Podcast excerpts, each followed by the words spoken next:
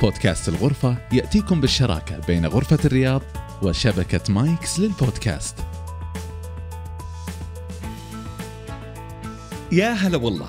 في بودكاست الغرفة راح نسمع صوت كبار التجار. تجار تعرفون أعمالهم ومشاريعهم لكن ما سمعتوهم من قبل. في هالبودكاست جزء أول عن الضيف وشركاته. ضيفنا يبني ويأسس الشركات لكنه لا يزال يعتبر نفسه طبيب أسنان فقط وليس بتاجر. هو شريك مؤسس في كليات العناية الطبية ومجمع الآفاق الطبي وشركات أخرى كذلك واللي تقدر قيمتها السوقية الآن بمليار ريال تقريبا. ضيفنا كان رئيس اللجنة الوطنية الصحية في مجلس الغرفة السعودية ونائب رئيس مجلس إدارة غرفة الرياض في وقت سابق. الجزء الآخر عن القطاع وهمومه. نتكلم اليوم عن التعليم الصحي والخدمات العلاجية. غرفة الرياض جمعتنا. أنا محمد الوهيبي وضيفنا الدكتور سامي العبد الكريم. المدير التنفيذي لكليات العناية الطبية. يا هلا ومسهلا حياك الله دكتور سامي. الله يحييك ويبقيك. أنا ودي أرجع معك إلى عام 87 لما رحت درست طب أسنان في باكستان. آه. عطنا القصة وليش باكستان؟ هو الحقيقة كان كان عندي قبول في جامعة الملك سعود صيدلة وكانوا آه، مطلوب مني تقريبا 3.75 عشان تحول من كلية الصيدلة إلى كلية طب الأسنان. وطبعا طب الأسنان يعتبر عشق أو حلم فجبت ال- ال- ال- المعدل وللأسف ما قبلوني لأنه الواسطة كانت أقوى من وقتها أوه من من كثير من ال... وبعدين كان مع يعني عدد ال- المقاعد محدود جدا 30 طالب فقط. وما في إلا كليتين في المملكة فبعدها طبعا قررت وانسحبت انسحاب سحبت الملف عجيب. ورحت الباكستان لأنه لو تركت ال- ال- الملف موجود والقبول موجود في الصيدله ثق ثقه تامه اني ما راح أكمل راح أنسحب من باكستان لأنه الوضع اللي شفته أول ما وصلت إلى باكستان آه، شيء الحقيقة ما يعني ما يمكن انك إن إنك تتصور كيف الوضع السيء اللي اللي اللي قابلته أول ما وصلت هناك في لكن قبل. الوضع السيء الناس نعم. عادة تتجه غرب بريطانيا أوروبا أمريكا عشان تدرس تخصصات خصوصا التخصصات العلمية اللي مثل هذه اتجهت إلى باكستان ليه؟ طبعا كبكالوريوس يعني نتكلم نعم. البكالوريوس ال ال ال ال أمريكا و و وبريطانيا غالبا ما يعني ما تقبل إلا الجنسية الأمريكية أو البريطانية في الم. في الماجستير الدكتوراه أوكي آه. ولكن في البكالوريوس لا. وفي نقطة مهمة جدا اللي هي إنه في مصر وفي فلبين وفي سوريا. سوريا طبعا كانت بالعربي. ومصر فيها طبعا تعرف يعني ما ما هو ما هي مجال للتعلم قد ما هي آه، الحالات الكثيرة وال- والحالات الطبية والحالات الحرجة اللي موجودة في باكستان أكثر بكثير بكثير. وهذا اللي يميز ال- الخريج. من مثلا كلية تعليمية تدريبية عندك تأهيل تدريبي أو ما تشوف حالات مجرد thesis و... و... ويكون فيها زي زي ما تقول يعني رسالة أو وهذه الفكرة اللي شفتها في باكستان يبدو لي هي اللي طبقتها لاحقا في كليات العناية لكن قبل لا نجي بعد. ذلك باكستان شو اللي شفت فيها؟ وش الحياة اللي عشتها؟ آه، حقيقة يعني شيء ما تتصور أول شيء طبعا جاي معي تعرف ال- ال- الشنط رحلة سعيدة ال- البنفسجية هذه الوردية. معبيها أكل ومعبيها لبس ومعبيها أشياء كثيرة الحقيقة. النقطة وين فيه؟ إنه نزلوني في ال في ال في ال- القطار ملتقى قطار يسمونه فتك. الفتك يعني التقاء ال- مم. ال- ال- سكة الحديد. ومعي شنطتين كبار وين أوديها؟ ولا في أحد. ويلتفتون عليك ويتريقون يطقطقون شكلهم وقتها يعني. فسحبتها وكيلو وين ونص لحد ما توصل بوابة السكن. الله لا يوريك بوابة السكن هذه وش سكن والله لا يوريك السكن بكبره ولا؟ كأنه سجن. وانسحبت من تحت ال ال ال تقطعت الشناط أصلا بدأت تطلع الثياب يعني. وصلت لل لل- ذي لقيت غرفة اثنين في ثلاثة. طبعا هذه يلا فتحة خير هذا أولها. هذا أولها. طبعا ال- ال- السور باسلاك شائكة والبوابات حديد وحال ولا فيها security ولا فيها شيء مفتوحة بس إنها يعني سكن آه، بدائي آه، طبعا غرفة اثنين في ثلاثة سمنت كلها سمنت ال- ال- ال- ال- الجدران والأرضية مروحة ولمبة آه، يسمونها ال- ال- ال tube هذا الأبيض. ما في غيرها بس وقف ودريشة. ودريشة بعد عليها يعني سياج حديد. فوش نسوي؟ خلاص لازم تتأقلم. أنت اللي اخترت ال- المجال هذا وأنت اللي اخترت هال- هالطريق. فطبعا كانت كل هالأشياء ذي من دون مبالغة يا محمد يعني آه توفيق من الله. ولا ولا لا شكلا ولا مضمونا ولا سنا ها؟ كان الواحد يتصور إنك وقتها تمشي في هال ال- ال- الموال الصعب القاسي جدا يعني. لا في تلفونات لا في شيء لا في مكيف. وش نسوي في التكييف عشان ننام؟ نجي نعبي ال- ال- الأرضية اسمنت نعبيها موية في الليل.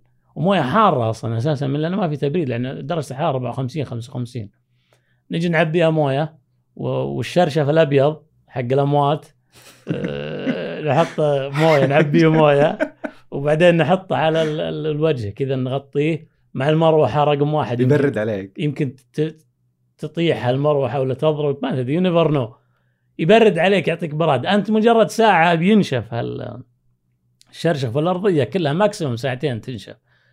تخيل انك خلاص ما عاد ما عاد تحس بشيء نايم لأنه يدخل بقعسي ويطلع من هنا ويدخل مدري إيش وش- اشياء حشرات وحالة. شيء غير طبيعي. والغرفة اثنين في ثلاثة فيها ثلاث أشخاص. لا. فيها ثلاثة. اسره حقت مساجين. طيب اللي. اعرفه إنه خمسة من أصل ستة رجعوا. صحيح. إلا أنت الوحيد اللي صامل هم طبعا كانت وقتها كان عندنا آه، جاء مقتل ضياء الحق. مم. ولما جاء مقتل ضياء الحق آه، صار في curfew كنا نسمع بال curfew ما نعرفه. بس مجرد في كورونا عرفناه الآن إحنا في السعودية. لكن أول كان عندهم ال curfew زي السلام عليكم حظر التجول ذا ولا شيء. فوش اللي صار؟ ما عاد ما عاد ما عاد رجعوا راحوا للسعودية وقعدوا شهرين تقريبا حظر التجول ممنوع الدراسة وممنوع الأشياء لأنه فيه إثارة وبلبلة ومشاكل بين ال- الأحزاب السياسية حقتهم. فما عاد رجعوا ما عاد شفتهم. وصعب إنك تكمل خاصة في طبعا طلاب عرب ولكن الطلاب العرب تقريبا متأقلمين في الوضع اللي هم فيه لأنه يمكن بيئتهم نفس البيئة اللي, اللي, عايشينها هناك لأنه فقر و- وما في أي أسلوب لاسلوب الحياة. تتكلم أردو؟ جدا وش المواقف الطريفة اللي صارت لك من إتقانك للأردو لما رجعت السعودية؟ من من إتقاني للأردو طبعا الأردو كنت أحفظ 200 كلمة في في, في اليوم مم. على أساس أتأقلم ومن أراد أن يأمن شعب فليتعلم لغته طبعا. فكانت ال ال الأشياء اللي تصير مثلا يبي يبيعونك كشيء مثلا نازل في السوق ومعروف إنك أربستان. أربستان يعني يشمل ال- ال- الدول العربية كلها. يا أربستان يا يعني تعرف كيف يجيك يعني يمثل لك إنه آه، بيقول لك إنه هذا عربي ما يفهم خلينا نرفع السعر ويبي يشتري وعنده فلوس واجد. وانت قافط القصة كلها. وأنا قافطها بدون ما يدرون. فيجي يقول یہ عربستانی بہت یار مانگتا اس کا پیسہ بالکل بہت. يعني عرفت؟ فيعطيك إيه يعطيك. أنا فاهم عليك ما. إيه، بعدين هذه لازم تعرف. فيها فيها يعني فيها تعلم وفيها إنك لما يدرون إنك تتكلم يعني يعزونك أكثر. ما هم في بعضهم يقول لك لا تكلم معي بالإنجليزي ما يبغاك تتكلم أردو. بس في بعضهم لا يعتز إنك تتكلم لغته. جميل. رجعنا في عام 91 آه، ثم كانت أول تجربة لك في مستشفى اليمامة. آه، أنا ما راح أتكلم عن التجربة حتكلم عن الخروج من هذه التجربة. كأول تجربة لك خرجت بشكوى كيدية من ثمان طبيبات. آه، بعطيك إياها باختصار على أساس الوقت ما يطول لأنها سالفة طويلة هي. طبعا. آه، أنا جيت لل... لل... لل... لل... لليمامة مفروض علي إني أنا أروح هناك. هي أساسا مستشفى نسائية 100% و... و... وفيها تقريبا ست عيادات أسنان. معين فيها 14 طبيبة أسنان يمكن 13 واسطة وواحده اللي جاية بالصدفة. فعندك مشكلة 14 طبيبة أسنان على ست عيادات معناته إنه فوضى ما في يعني. فعينت رئيس قسم لأننا الوحيد السعودي أساسا وفي ثلاثة أجانب أخصائيين أوكي في تخصصات الأسنان. فأول ما جيت لقيت إنه في فوضى في ال- ال- العيادات ما تقوم بواجبها المريض ما ياخذ حقه.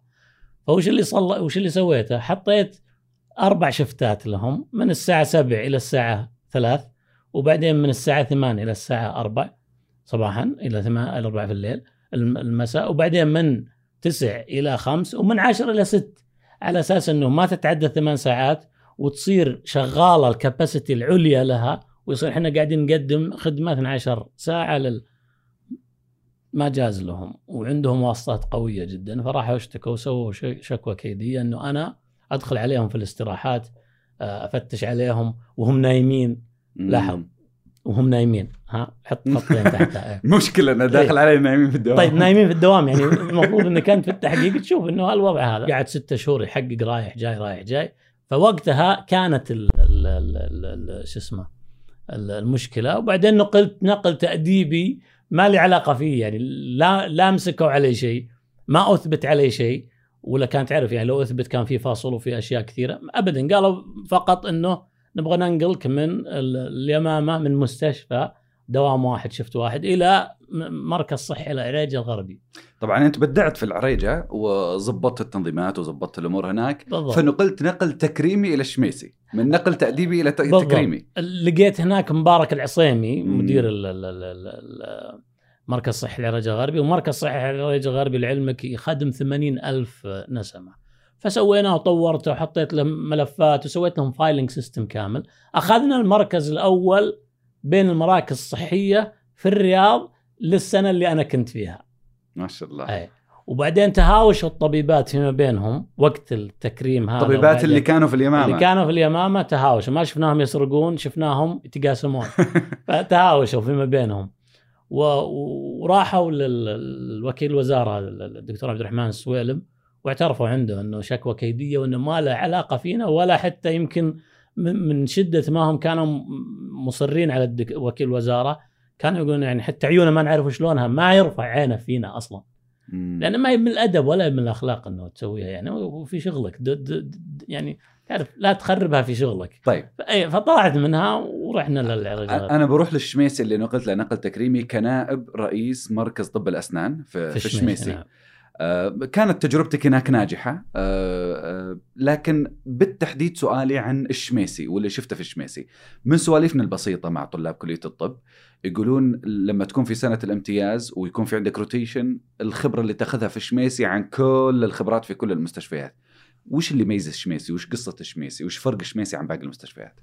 هو طبعا ال- الخبرة ال- ال- التعليمية التدريبية. ليه؟ لأنه الحالات فيه كثيرة. وجميع أجناس البشر تجي و و وفي حالات نادرة توصل للشميسي من الحوادث اللي هي قسم الحوادث ال RTA الكسور والعظام والأشياء هذه كلها آه، يصير أكثر إقبال عليه. وطبعا هو كان الشميسي ولا زال طبعا هو النواة الرئيسية في الرياض لاستقبال أي حالات طارئة. فتلاقي دائما الطلاب يتعلمون أكثر وفي مجال للتعلم أكثر وطبعا يخدم شريحة كبيرة من المجتمع. آه، أنت أجريت تقريبا سبعة آلاف عملية زراعة أسنان. اولموست أي آه، من عام الف... من عام 91 إلى عام 2001 تقريبا لأنه في إلى رحلة الآن. أخرى. طبعا إيه. إيه. آه، أخذت تقريبا 75 دورة. كنت يعني شغال في طريقك وشاق طريقك في موضوع طب الأسنان. أريدك أن تصف لي رحلتك في عالم طب الأسنان. طبعا أول أول ما جيت من باكستان تعرف باكستان في فرق بينها وبين ال- ال- السعودية إنه في باكستان آه، ما في أجهزة ولا في تقنية بس في حالات. تشوف مم. 40 حالة في اليوم. بينما في السعودية يمكن ما تشوف إلا 10 حالات في اليوم كله بس عندك تقنية تساعدك على الأشياء هذه كلها.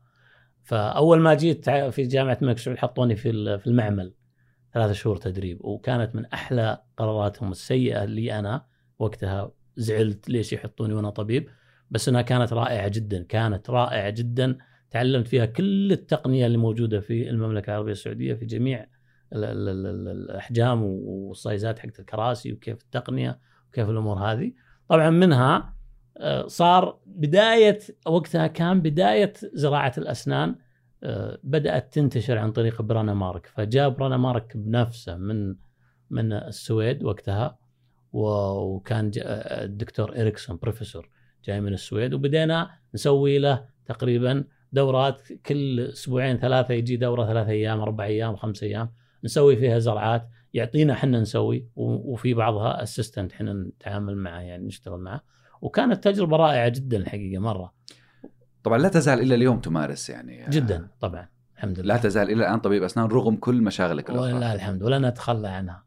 بإذن الله. طيب نجي على 2001 عام مفصلي في آه، آه، خلينا نقول في مسيرة آه، الدكتور سامي أسست شركة العناية والعلوم الطبية اللي هي الآن تملك كليات العناية الطبية وتملك مجمع الآفاق الطبي. وش القصة؟ ليش أسستها؟ كنت أسمع أنا إنه وأنتم متأسسونها أخذتوا ثمان شهور وكنتوا تقبلون طلاب وأنتم لسه ما بنيتوا المباني صحيح؟ صحيح. هي طبعا بعطيك التأسيس من البداية. كانت كان المشكلة عندهم اللي هم الشركاء الأساسيين. أنا ما كنت معهم كنت طبيب أسنان في شميسي. فكان الشركاء عندهم آه، نادي صحي نسائي. فكانوا يبغون يرخصونه. عشان يرخصونه لازم يفتحون مجمعات طبية تجي تحت مظلتها. فسبب سبحان الله يخلق لك الله الأسباب من دون ما تدري.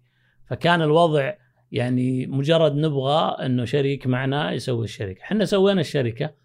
وفعلا آه، فتحنا هالمجال هذا ولكن أسسنا خمس مراكز طب أسنان آه، في الرياض إلى 2004 وإحنا نمتلكها كاملة وبدأنا فيها بقوة في في في العناية الطبية. بعد بعدها تقريبا في عام 2004 آه، إلى 2006 اشترينا الأرض اللي هي كانت على تخصصي سليمان الحبيب الآن التخصصي. وكنا نبغى نحولها إلى مستشفى. وأخذنا على هل ال- حسن التصميم. بدل 100 سرير أعطينا 200 سرير وبدل ثلاث ادوار أعطينا أربع ادوار ما شاء الله. أي والله. وكانت رائعة جدا. وكنا we have خلاص يعني تعرف اللي بي- بيطق الخنزيره we dig the ground أنت أنت بالنسبة لك هذا كان المستشفى الحلم هذا كان المشروع الحلم. صحيح. تبني مستشفى في مكان سليمان الحبيب حاليا اللي في التخصص. landmark آه. الموقع landmark يعني. مم. موقع استراتيجي جدا. والأرض كانت رخيصة ما كانت غالية وقتها لأنه كان على وفاة الحريري وكانوا بيصفون أشياء كثيرة من أملاكه. فاشتريناها وطورتها وخلال تسع شهور يمكن تطورت في كل شيء بس طبعا خلاص نبغى نبني. وقتها جاء اللي هو آه، انهيار الأسهم. مم. فكانت الشركات اللي مع شركتي الشركاء معنا كانوا فيه أشياء كثيرة منها آه، داخلة في الاسهم وتعرف تأثروا كثير. فإحنا وش نسوي؟ لازم we have to build it or sell it يا يا تبيع يا إنك تبنيها. أنا لو جت علي نبنيها مم. لكن صدفة كنت في في في رحلة إلى دبي وكان جنبي سليمان الحبيب. فقعدنا نتناقش وقالوا وش عندكم تعرفه؟ من قبل يعني أعرفه معرفة شخصية إيه. طبعا ما هو معروف شخص معروف بس أنا ما أعرفه. شخصيا ما كنت أعرفه ما عرفته إلا في رحلة دبي. فبعدها بدأنا نتناقش وقالوا إيش عندكم؟ قلت نبغى كذا كذا وعندنا مستشفى وقائم يعني خلاص بنطق الخنزيرة. قال أبى أرجع وبشوفه، فرجعنا الاحد وشافه، الاثنين كلمني قال أنا شريت. قلت طيب السعر ترى غالي وكذا، قال ما ما يهمني، رجعت للشركاء أوكي. وكان الشركاء طبعا يقول لك خلاص يعني إحنا تكلفنا فيه تقريبا almost 40 مليون بالأرض بال بال development بالتطوير. بعدها آه، قالوا إلى 60 بيع. فأنا رفعت السعر أبغاه ما ينباع حقيقة يعني ما كنت أبغاه ينباع. كنت أبغاه عشان يصير أحقق حلمي فيه أبغى مستشفى. لعل وعسى إنه ارتفع السعر وصل إلى 89 و- وشراها. سليمان الحبيب 89 و... ولا غير فيه ولا شيء. على طول هي dug the ground واستخدمه ما شاء الله والآن من أبدع ما يمكن. طيب وحلم المستشفى خلينا نقول تحول طريقة. آه، كيف حققت حلمك؟ هل كانت الكليات هي الحلم الجديد بعد المستشفى؟ بالضبط. على أمل إن إحنا نسوي مستشفى إن شاء الله في المستقبل. ما شاء الله. بإذن يعني الله على قريبا. أي يعني هي نقطة مهمة. طبعا كان التحول إلى التعليم الطبي والتدريب الطبي اللي هو يتميز ب ال- ال- ال- ال- ال- القدرات القوية مثل ال simulations lab وما ال simulation labs والأشياء هذه كلها. فتوجهنا إلى آه، هال ال- التوجه؟ وشرينا الأرض في 2010 في بداية 2010 و- وقرر في بداية 2009 sorry قررنا وسوينا التصاميم وسوينا الأمور هذه كلها.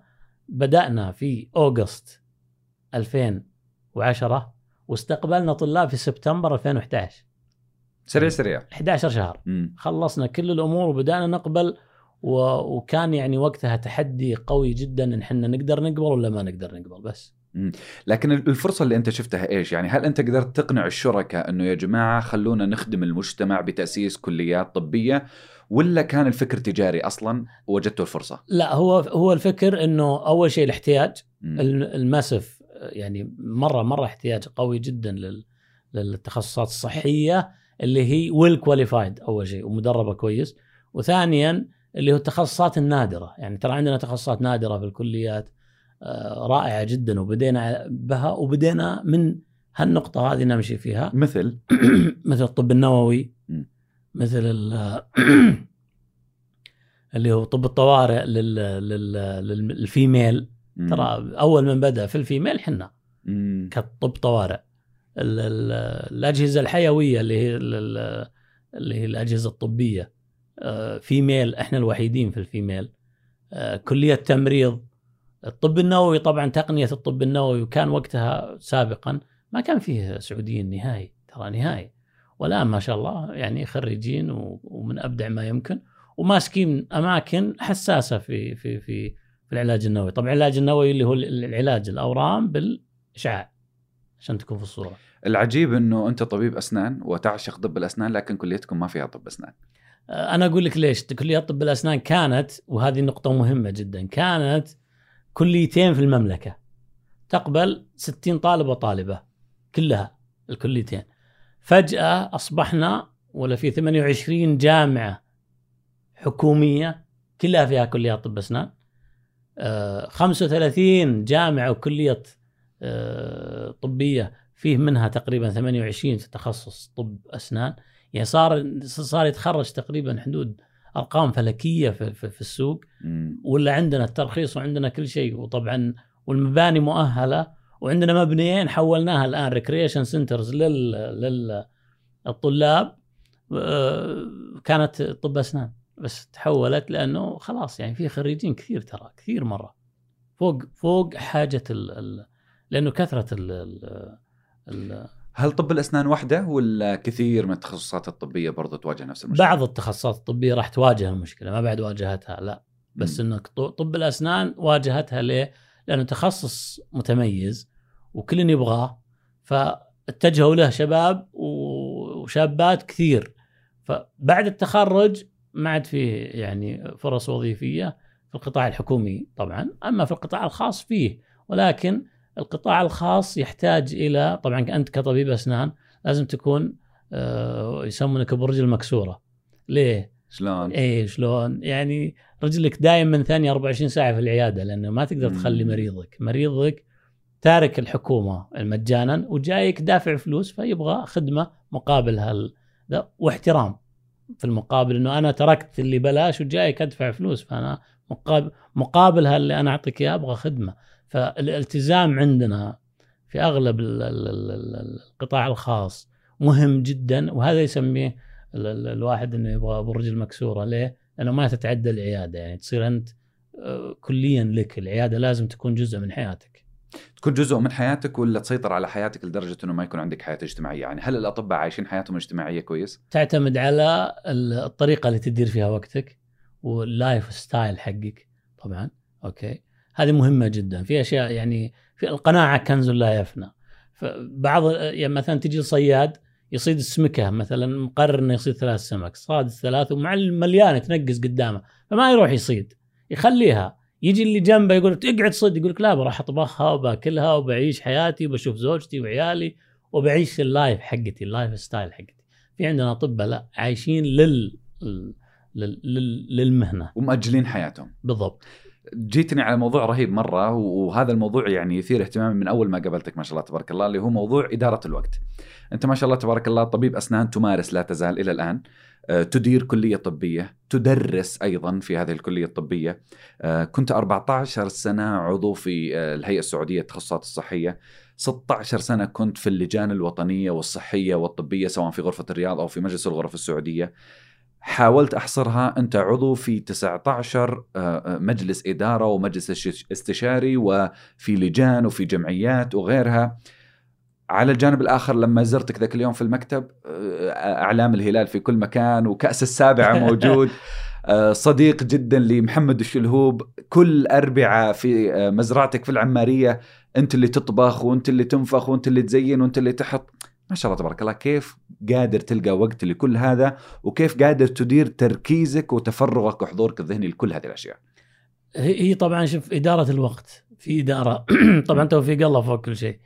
وبس إدارة الوقت عندك لازم أول شيء وهذه نقطة مهمة جدا جدا جدا اللي هي توزيع أول شيء تحديد المهام والأساسيات وتوزيع الصلاحيات. أنت لما جيت في المكتب عندي قعدنا يمكن ساعتين ما دخل على أحد أبد لا يطلب. توقيع ولا يطلب ورقة وشفت المكتب فاضي ما فيها أوراق ولا في شيء. معطي السلطة ما في مركزية. أهم شيء ما يكون عندك مركزية. ليه؟ لأنه صعب صعب إنك تعطي صلاحياتك. لكن إذا ما استوليت عليها من البداية صعب إنك تتخلى عنها. من البداية تخلى. عنها بمراقبة طبعا وب- وبإدارة ولكن وانس إنك اخذت اخذت أخذت صلاحيات من هنا وصلاحيات من هنا وصلاحيات من هنا صعب إنك تعطيها غيرك. فمن البداية لا لا تأخذها. وزع وقتك كويس. في نقطة مهمة يعني ما أنساها. أم نواف يعني لها فضل بعد الله كبير جدا جدا في الدعم. إي والله أبشرك. يعني من أبدع ما يمكن داعمة إلى أبعد ما يمكن وشايلة مسؤولية كبيرة في البيت. آه، يعني معي وعني. يعني خلينا نقول. لكن إدارة الوقت أتوقع إنها من الأشياء المهمة واللي هو عدم المركزية في الإدارة عدم المركزية في الإدارة يعني لازم يكون عندك فريق أصلا تقدر تعتمد عليه أنت كيف صح. تختار فريقك يا دكتور تعتمد على المواقف تعتمد على الشهادات والكواليفيكيشنز مع إنه أنا أعتقد إن الخبرة أهم من الشهادات مم. كثير كثير الخبرة مهمة جدا ليه؟ لأنه كل ما صار الآن الآن يعني بعد هالعمر هذا كله هالشوط الكبير اللي قطعته في زراعة الأسنان لازم تتعلم من كل حالة أسويها. فهي خبرة هي مسألة خبرة. آم، أنت أيام ما كنت في في في الشميسي آه، كنت تعالج آه، كبار شخصيات كثير. من كبار الشخصيات اللي كانوا يعالجون عندك؟ الشيخ عبد الرحمن الجريسي. ويبدو لي كأني ألتقط إنه من هناك بدأت علاقتك في الغرف التجارية. بالضبط. إحنا كان هو مريض عندنا في في الشبيسي طبعا تشيك وما عنده ما كان. عنده مشاكل. فبعد ما طلعت واستقلت من من من وزارة الصحة على طول آه، اتصل فيني وقال لي إذا تبغى تنضم معنا في آه، اللي هو طبعا ال- اللجنة الفرعية للمستوصفات الصحية في في الغرفة التجارية وبعدها طبعا رحت للجنة الرئيسية وبعدين عضو في مجلس الإدارة وبعدين بعدها نائب رئيس اللجنة الرئيسية هي لجنة الم... ال- ال- اللجنة الطبية. الطبية نعم. في غرفة الرياض في غرفة ثم الرياض أصبحت نائب رئيس مجلس الإدارة في غرفة الرياض وبعدين رئيس اللجنة الوطنية في المملكة اللجنة الوطنية الصحية في صحية المملكة بالمملكة. العربية نعم. السعودية هذه الرحلة وش اللي صار فيها وش وش- يعني ماذا أضفت لها وماذا أضافت لك والله رحلة رائعة جدا ما كنت أتوقعها طبعا okay و- وكنت شخص low profile يعني مرة إلى أبعد درجة ولا ولا ولا زلت ما احب ما أحب الشهرة لا فيك الخير والبركة.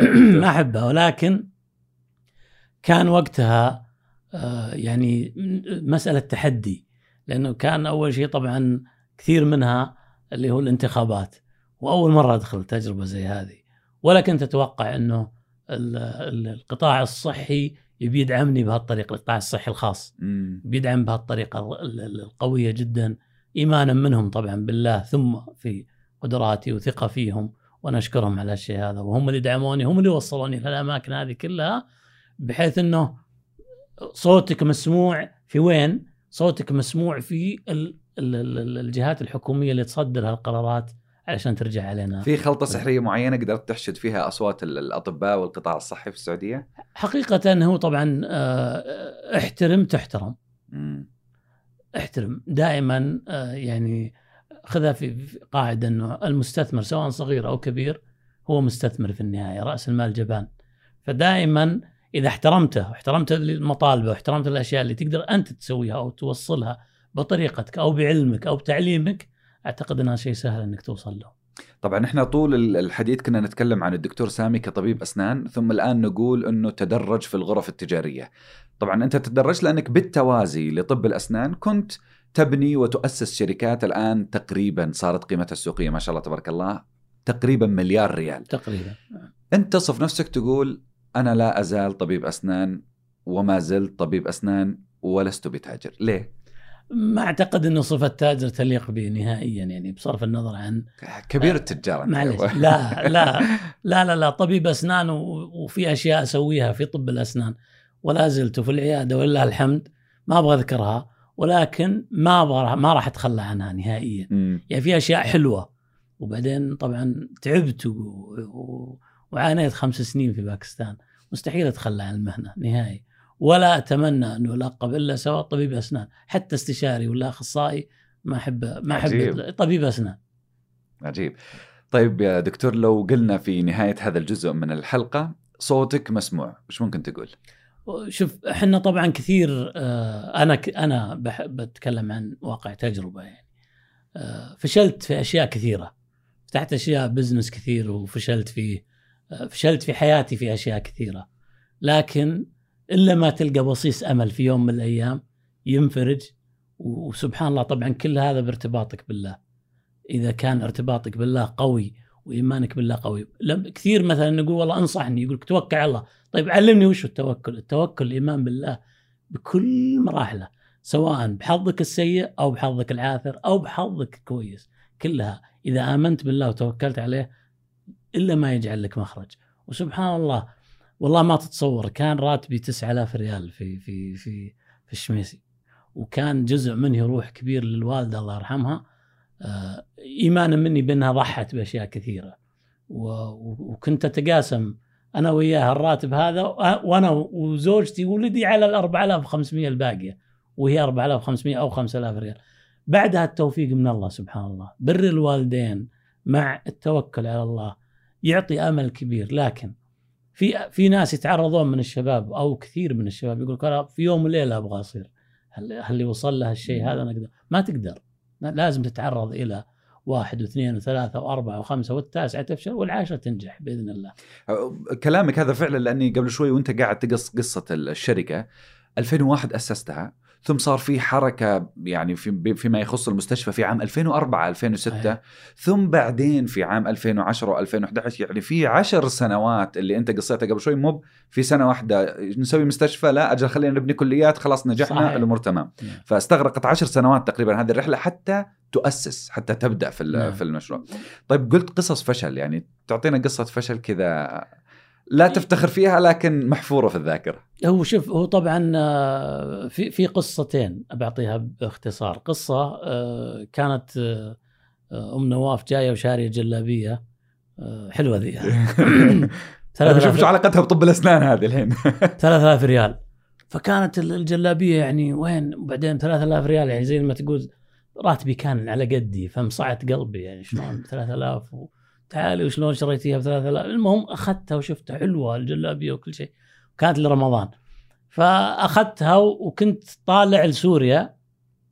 رايح أبغى آه، أجيب آه، يعني أتعاقد مع آه، كوادر فنية. فأول ما وصلت هناك أعطيتها سوق الحميدية وكان في مصنع رائع جدا. أخذها وطرز لي منها عشر. بألوان مختلفة بأحجام مختلفة ب designات مختلفة. وأخذتها حطيتها وجبتها لل- للبيت ووريتها ام نواف قلت شوفي هذا هذا الجلابية وش رأيك فيها؟ كانت روعة من أبدع ما يمكن مستحيل إنها تكون. طبعا الخياطة الخيوط ألمانية ولكن كلها سورية. فبديت أجيبها. فجبت أول ما فتحت فتحت في كورال اللي هو ال ال ال الفندق السفينة اللي في غرناطة. 2500 ريال ثلاث أيام في معرض وجبت له اثنين ثنتين سعوديات صارت ام نواف تروح بس كذا توقف معهم وتشوف بعنا شيء ما تتصور جايبها يمكن كلها ما كلفت 7000 ريال إلى إلى 10000 ريال دخلت 75000 ريال في ثلاث أيام مم. مع إنه ما كانت الجلابية ب 700 ريال 600 مم. ريال فبديت إيش؟ بديت أطور فيها أطور فيها أطور فيها طبعا بعد ما اجتيحت ال- ال- ال- اللي هو طبعا سو- سوريا وصار. اللي فيها خلاص وقفت وطبعا رجعت إلى ال zero ولا كانت روعة ولو تشوف صور لو تشوف كمية والنوعية حقت ال- الجلابيات يعني تكلف كل جلابية مبالغ زهيدة جدا ولما تجي تعرضها يجي عليها حتى المزاد الحلو يعني يطلع سعرها حلو ليه؟ لأنه خياطها كويس ولا وتاخذها يونيك قطعة خاصة فيك. فهذه قصة من قصص النجاح ولكن وفشلت هي ليش؟ لأنه فشلت لأنه في أسباب خارج عن الإرادة ولا ندمت على الوقت اللي صرفته فيها لا طبعا أي. نعم جزاه الله خير من نواف اللي شرت ب 3000 إي والله. لا. ال- ننتقل الآن إلى موضوع القطاع. آه، أنت تعمل في الخدمات العلاجية وأيضا تعمل في التعليم والتدريب الصحي وأنا أريد أن أسألك بالتحديد عن التعليم والتدريب الصحي. كلمني عن هذا القطاع كلمني عن الأرقام في هذا القطاع. طبعا شوف بالنسبة لل, لل... حسب تصريح وزير ال- الصحة آه الله يذكره بالخير. آه آخر مقابلة في- في برنامج قال إنه عندنا نقص 200 ألف ممرض وممرضة. مم. وطبعا إحنا نرك على ممرضة أكثر لأنه الاحتياج للتمريض في ميل أكثر من الاحتياج للتمريض في مع إنه بوث لا يلتقيان متوازيان في الحياة. ولكن عندنا نقص وعندنا مشكلة كبيرة. يعني لما صارت جائحة كورونا وصارت الجوائح الكثيرة طبعا منها حرب الخليج وقتها كثير من الأجانب راحوا تركوا البلد مشوا ليش مشوا؟ لأنه ما في طيب وين أبناء البلد؟ وين راحوا؟ ما في أحد عنده رغبة إلى التمريض، متى يجي التمريض؟ ومتى يكون عندنا الكوادر المطلوبة؟ لما يتبنى برنامج مثل برنامج سمو سيدي اللي هو محمد بن سلمان برنامج التمريض. برنامج التمريض هو أعتقد إنه قادم أعلن عنه ولكن قادم في ال في ال في, ال في الشهور القادمة. إذا اعطيت التمريض صفة حلوة ثق ثقة تامة كل الشابات والشباب اللي موجودين عندنا في المملكة بيتجهون للتمريض ليه؟ مم. لأنه يبغى له بس نظرة المجتمع سابقا للتمريض سيئة الآن اختلفت الآن فيه إقبال قوي جدا وكبير على التمريض ليه؟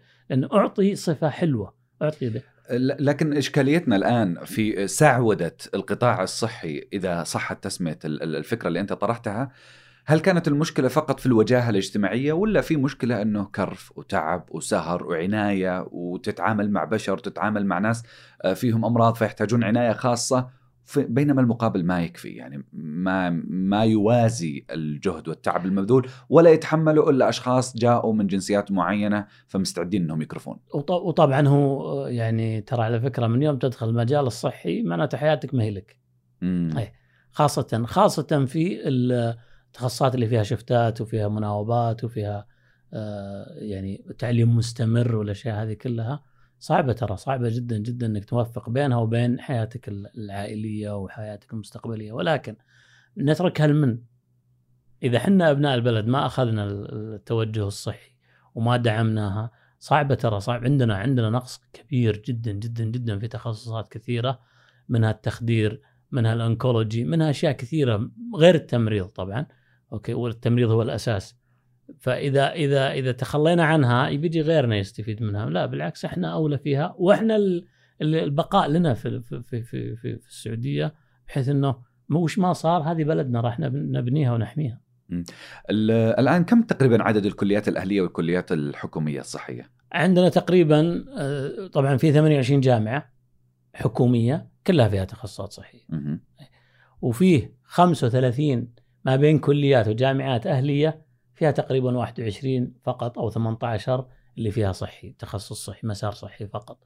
أما الباقي كلها تخصصات عادية يعني إنسانية واجتماعية. وايهم الآن يتفوق على الآخر؟ القطاع الأهلي ولا ال- شوف بوث طبعا آه هذه لها وهذه لها. ال- ال- التخصصات الصحية في ال- ال- القطاع الصحي الخاص لها تجربة كانت مع أيام المعاهد الصحية اللي صار عليهم مشاكل وأغلقت وكذا وصار في درس قوي جدا إذا ما تسوي عندك انفراستراكشر وإذا ما يكون عندك laboratories ال labs وإذا ما يكون عندك simulation labs اللي هي ال- ال- ال- اللي يسمونها ال- ال- محاكاة يعني، إيه. إيه معامل المحاكاة مم. يعني إحنا عندنا ثمان معامل محاكاة في في- كليات العناية. وش يصير في هذه عندنا المعامل؟ 32 معمل. غير المعامل ال- ال- ال- ال- ال- اللي هي حقت السنة التحضيرية يعني almost 64 معمل في كلية واحدة في جامعة أو في ثلاث كليات. فعندنا huge ال infrastructure إذا ما عندك التدريب للطلاب بهالطريقة ثق ثقه تامه انك المنتج حقك راح يرجع عليك ما راح يكمل. مم. بس وش الميزة في ال simulation labs اللي أنت قلت عليها؟ محاكاة تجي تدخل مثلا خلينا نقول ناخذ مثلا معمل الطوارئ مم. اللي هو طب الطوارئ والحالات الحرجة مدخلين الأسعاف جوا ال- ال- ال- المبنى وتجي السيارة تصدم يطيح ال ال ال ال عندكم في الكلية عندنا؟ في الكلية آه. وكلها موثقة وموجودة في أفلام وكذا وسويناها طلبه هم اللي سووها فيصب دم وينجرح تنقطع يده يرجعون يرجعونها يعني في في اكشن كبير وهي محاكاة مم. تحاكيني وأحاكيك كأنه كأنه فعلا live وهي ما هي live. هي تدريبية طيب أنا أشوف في التعريف في الموقع الرسمي تبعكم في الكليات ونظرا لتزايد الطلب على الكليات الصحية الحكومية وعدم قدرتها على استيعاب الأعداد المتزايدة من المتقدمين بلا بلا بلا, بلا إلى آخره. هل أفهم من هذه العبارة أنه أنتم تأخذون الفائض اللي ما قدرت الكليات الصحية الحكومية تقبلهم ولا أنتم فعلا تقدمون جودة تعليم منافسة للي يقدم في في الكليات الحكومية؟ لا هو طبعا ثنتين كلها. أول شيء محدودية أعداد القبول في جامعات الحكومية. لهم كوتا معينة ما يقدرون يتعدونها. فيصير في فائض بس مو الفائض إنه رجيع. في فرق بين الرجيع والفائض. الفائض مثلا نقول معدلاتهم 90% 95 بس ما أقدر أقبله ليه؟ لأنه في 98 وفي 99 وفي مم. 97 فإحنا نأخذ الفائض منهم اللي يبغى التعلم بال... لكن ما في أحد يبغى يتعلم آه، ما حد يرفض مجانا مجانا نروح للحكومة وأتعلم بس إنه أدفع و... وعشان أتعلم هذه ال... ال... ال... ال... لا زلنا في طور ال- ال- المعاناة منها إنه نهتم في الأكل نهتم في الصحة نهتم في كل شيء إلا التعليم. آخر اهتماماتنا تكون التعليم. لكن مخرجات ال- ال- القطاع الخاص فيه آه، يسمونها اللي هو ال- ال- ال- المنخل اللي هو الهيئة السعودية للتخصصات الصحية. أي مخرج تعليمي قطاع حكومي أو قطاع خاص أو قطاع تدريبي أو أهلي أو أي مكان أو من خارج المملكة لازم يمر بهالمنخل هذا اللي هو ويجتاز له اختبار المقياس اللي بيني وبينك كحكومي أو خاص هو اجتيازك للهيئة السعودية للتخصصات الصحية وفي النهاية كذا ما يفرقون عن بعض. ما تفرق كل خلاص. جودة الناس اللي في السوق سواء خريج من هنا أو من هنا ما اذا اذا يفرق. اذا اذا, إذا اجتاز الهيئة خلاص طيب مؤهل داخليا وخارجيا نريد أن نقارن التعليم داخليا وخارجيا في القطاع الصحي في قطاعات أخرى كثير اللي شاهدته من جوا من المملكة غير اللي جاي مبتعث من أمريكا وبريطانيا. يعني في اعتقاد ما أعرف إذا كان دقيق علميا إنه جامعات برا أفضل. في التخصصات الصحية هل الجامعات برا أفضل؟ ما أعتقد إنها أفضل. يعني نتكلم عن برا من نتكلم عن الدول العربية إحنا أفضل. كدول عربية. لا لا أقصد لكن- بريطانيا أمريكا بريطان نيوزيلندا بريطانيا أستراليا. هذول في الماجستير والدكتوراه إيه. لكن بكالوريوس ما ما في قبول. بكالوريوس قوي جدا. خارج ال في الدول الأجنبية اطلاقا. ما في. يعني يقول لك والله الأولى بلد ابن البلد عنده. إيه، فما في بكالوريوس يت- يتخرج كثير. يعني بكميات إنك تجي تقول والله أقارنها يبقى طبعا خبرتهم ويبقى سنينهم أكثر منا. فأعتقد إنهم يعني لكن في المخرجات هنا اللي تجي تعمل في السوق؟ ما أعتقد إنه إنه في كفاءات سعودية ترى على فكرة آه، غطت كثير على على كفاءات الأجنبية اللي جاية سواء من برا أو من داخل. مم. آه، أنت قلت لي قبل شوي إنه كلياتكم بإذن الله بيكون معها مستشفى. تقريبا عندكم 13 مبنى في الكلية بيكون واحد منها مستشفى. وش رأيك بفكرة إنه كل جامعة تؤسس لها مستشفاها الخاص كل كلية تؤسس لها مستشفاها الخاص؟ آه، هو طبعا شوف إذا كلية إذا إذا الجامعة أو المستثمرين بيفتحون كلية طب بشري it's must لازم. لازم يكون جنب كلية الطب البشري لازم يكون في مستشفى. عدا ذلك يصير اتفاقيات خارجية ما بين المستشفيات في أي مكان في المملكة. عندك عندك تقريبا 270 مستشفى حكومي وعندك 200 ولا يقل عن 40 أو أو 230 مستشفى خاص تقدر تسوي معهم اتفاقيات. ولكن كلية طب أنا من ال- ال- ال- المؤيدين إلى أنه ما يفتح كلية طب إلا جنبها مستشفى. مم. وش رأيك بتصميم المستشفيات عندنا؟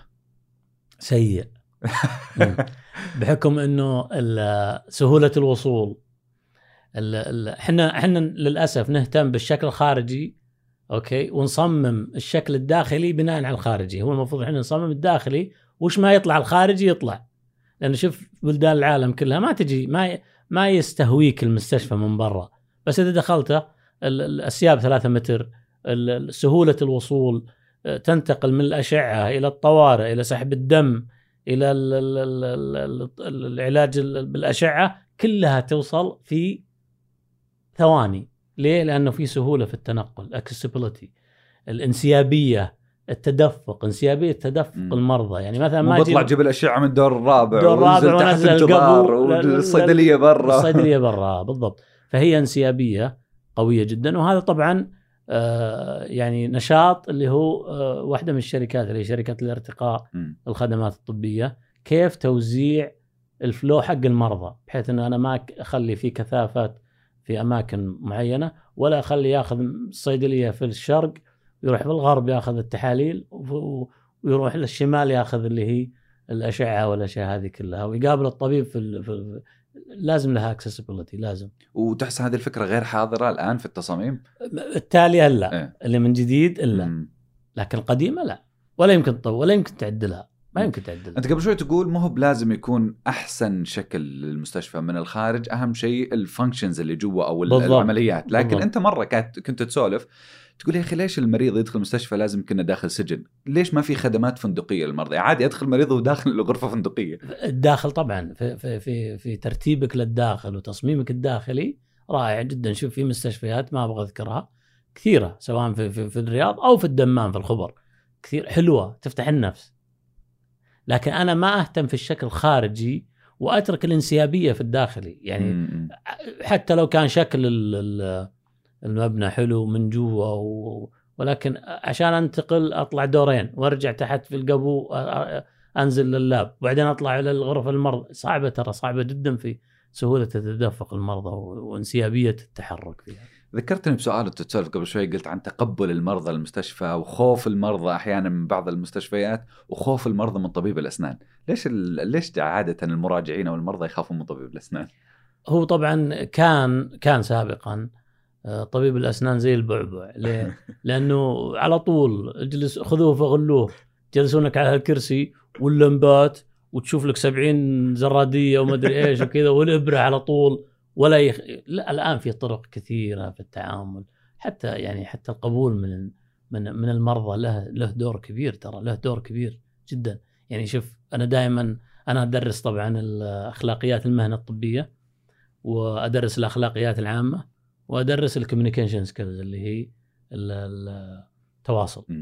مهارات التواصل. الثلاثة هذه كلها دائما أقول إنه في طبيب يكون معلوماته محدودة وعلى قده ولكن أسلوبه وأخلاقه وتواضعه يعطي هدوء وراحة وطمأنينة للمريض أكثر من اللي علمه عالي جدا ولكن نفسه هنا في نفسية تلقاه مسكين إذا جينا نقارن الخدمات العلاجية اللي تقدم في منطقة الرياض وخارج الرياض وكذلك أيضا في التعليم لأنه التعليم تباعا للخدمات العلاجية اللي تقدم، كيف تقارن منطقة الرياض بالمناطق الأخرى؟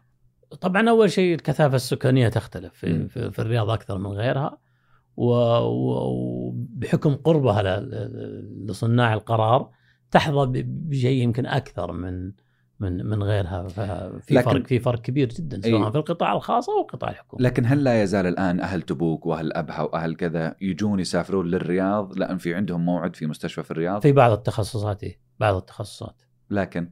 لكن بعض التخصصات العادية لا. ما عاد يجي ولا عاد يحتاجها وش ولكن التخصصات اللي وشوف طبعا كل كل الأورام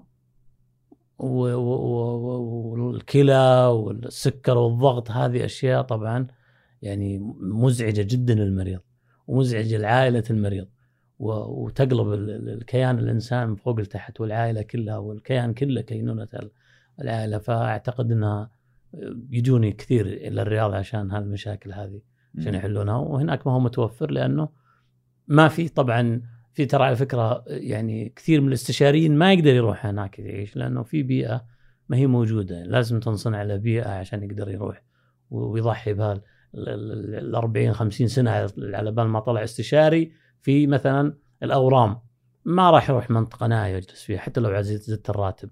يبغى مدارس لعياله يبغى ترفيه له يبغى. وهذه الأشياء في الخطة اللي هي ال 20 30 قاعدة إن شاء الله تحسين البيئة تغيرت. الحياة. بإذن الله بإذن الله بتتغير أم، إذا ما جينا نتكلم عن المستثمرين في القطاع الصحي اللي بيدخلون وبيبنوا مستشفيات أو حتى مستوصفات صغيرة أو أبسط ما يمكن في الاستثمار في القطاع الصحي هل لابد أنه يكون جاي من خلفية صحية من خلفية طبية شوف ال- الاستثمار مم. بصفة عامة استثمار أنت مستثمر معناته عندك قوة رأس مال ما تفكر فيها ولكن القطاع الصحي والقطاع التعليمي الصحي كلها سوفيستيكيتد يعني حساسة جدا فعلى أقل تقدير أقل تقدير يجب أن يكون عندك خلفية صحية ولكن لنفرض إنه ما عندك خلفية صحية حنا اللي نخشى منه وشو؟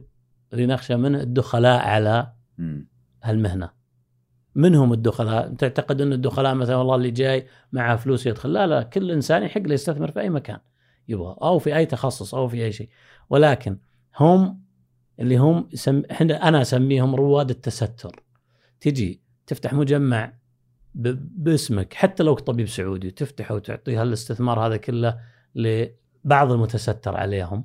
ونجي في النهاية لا إحنا عارفين وش ال- ال- ال- ال- ال- المواد المستخدمة ولا التعقيم ولا الخدمة المقدمة للمريض.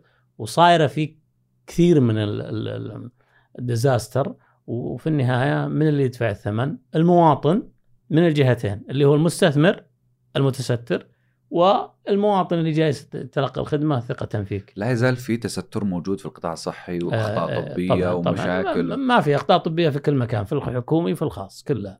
لكن أول كانت تملى الجرايد تملى الصحف وأخطاء طبية بالهبل الآن بدأ بدأ صار يعني زي ما تقول فيه وعي وفيه اتخاذ آه، حيطة أكثر و- لأن المحاسبة صارت أقوى وهذا المفروض. إنه طبعا إحنا بشر لازم نخطي ما في أحد ما يخطي اطلاقا. لكن في فرق بين الخطأ المتعمد والخطأ بسبب الإهمال والخطأ اللا متعمد نهائي. أنا ما أتعمد الخطأ ولا ولا أبغى لك إلا الخير. بالعكس أنا أتمنى إنك تجي تأخذ خدمتك وتمشي وأنا طبيب وتدعي لي ولا تدعي علي في عشر دقائق تدعي لي طول الأيام ولا تدعي لي يوم ساعة واحدة تدعي ضدي. هذه واحدة الثانية الإهمال الإهمال وشو؟ ترى ال ال ال- المهنة الطبية team team من ال reception إلى البروفيسور اللي بيسوي العملية. هذا team كامل. إذا ما إذا ما تسوي هال team تشتغل عليه أي واحد منهم يقصر في شغله سواء من استقبال المريض إلى الفحص عليه إلى الأشعة إلى التحاليل إلى ال- ال- المنتج النهائي أي تعثر فيها يأثر على كل ال team اذا إحنا لازم نبني team كامل الخطأ المتعمد انك انت متعمد وهذا نادر ما يكون نادر مم. نادر أعتقد إنه احد يتعمد إنه يقتل. لا مو على التعمد بس عدم وجود الكفاءة عدم عدم وجود الخبرة مم. أوكي بس طبعا أبنائنا الآن متخرجين صح؟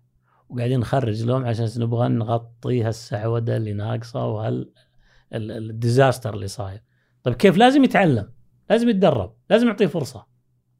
أنا بجي أسألك بعد شوي على فكرة لانك كنت كنت رئيس اللجنة ال- الوطنية الصحية وكنت رئيس اللجنة الطبية في الرياض فبسألكم إيش سويتوا يعني لكن إذا ما جينا على المنافسة في المجال اللي أنت تعمل فيه اللي هو مجال التعليم والتدريب الصحي في عندنا جامعة المعرفة والفيصل والفارابي ودار العلوم ورياض العلم كل هذه الجامعات هل تقدم منتجات مختلفة قيم تنافسية مختلفة ولا نسخة مكررة من بعضها بما فيها كلية العناية شوف طبعا هي آه، كل الاحترام لل- للجميع أوكي آه، هي طبعا آه، نقطتين أول شيء آه، التنافس مطلوب ليه؟ لأنه مثل الكليات هذه تتنافس في تقديم الأفضل مم. ليه؟ لأنه بترجع على سمعتها بترجع على اللي هي ال quality اللي قاعد تطلعها وفي النهاية آه، الطالب مطلوب يعني معروف منك خلاص مجرد إنه يطلع هو ال word of mouth اللي بينتقل إلى ال- البقية عشان يجون يسجلون عندك رقم واحد، رقم اثنين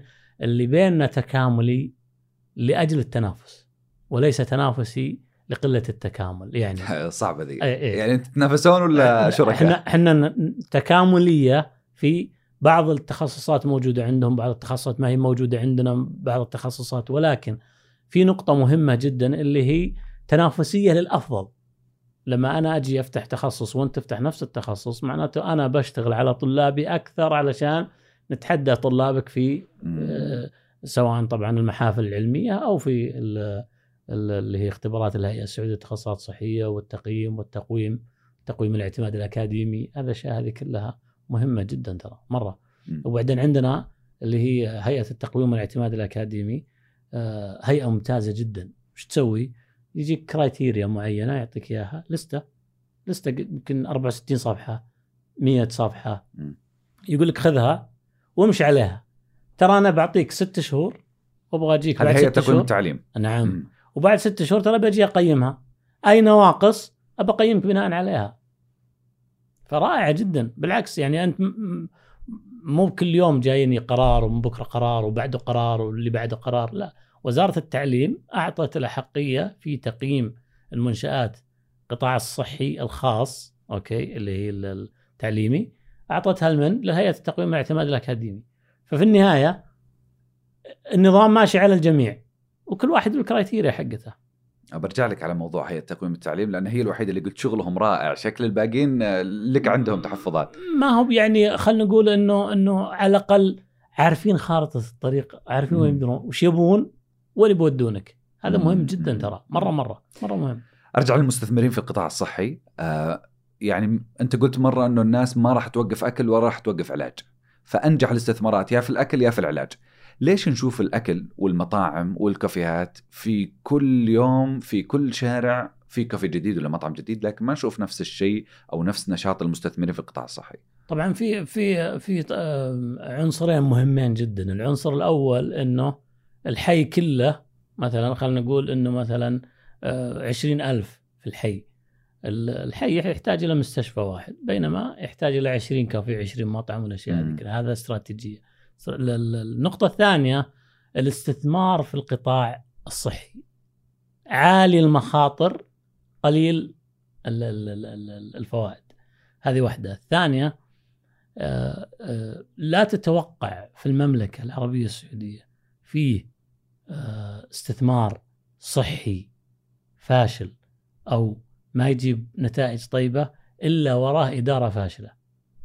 الإدارة سر نجاح القطاع الصحي الخاص في تقديم الخدمة. وهذه ترى مهمة جدا إلى أبعد درجة. زيادة عليها طبعا اللي هي طويل الأمد. يبغى لك سبع ثمان سنين عشان تبدأ تحقق عائد لك وتصرح تصرف على هال ال- ال- الاستثمار. وفي المقابل كثير المخاطر مرة. مخاطر ترى قوية جدا. قليل الفوائد يعني قديش تقريبا؟ يعني من 12 إلى 20% ترى ما طب هذه جيدة. سابقا ما كانت جيدة. سابقا كانوا يدخلون 37 20 30 35 الآن لا. مم. الآن مع قلة ال ال ال يعني مع التأمين الصحي اللي دخل التأمين الطبي مع ال ال ال المنافسات القوية كلها ما تجي. 8 9 11 14 يعني إذا جبت 14 تراك مرة رائع جدا. مم.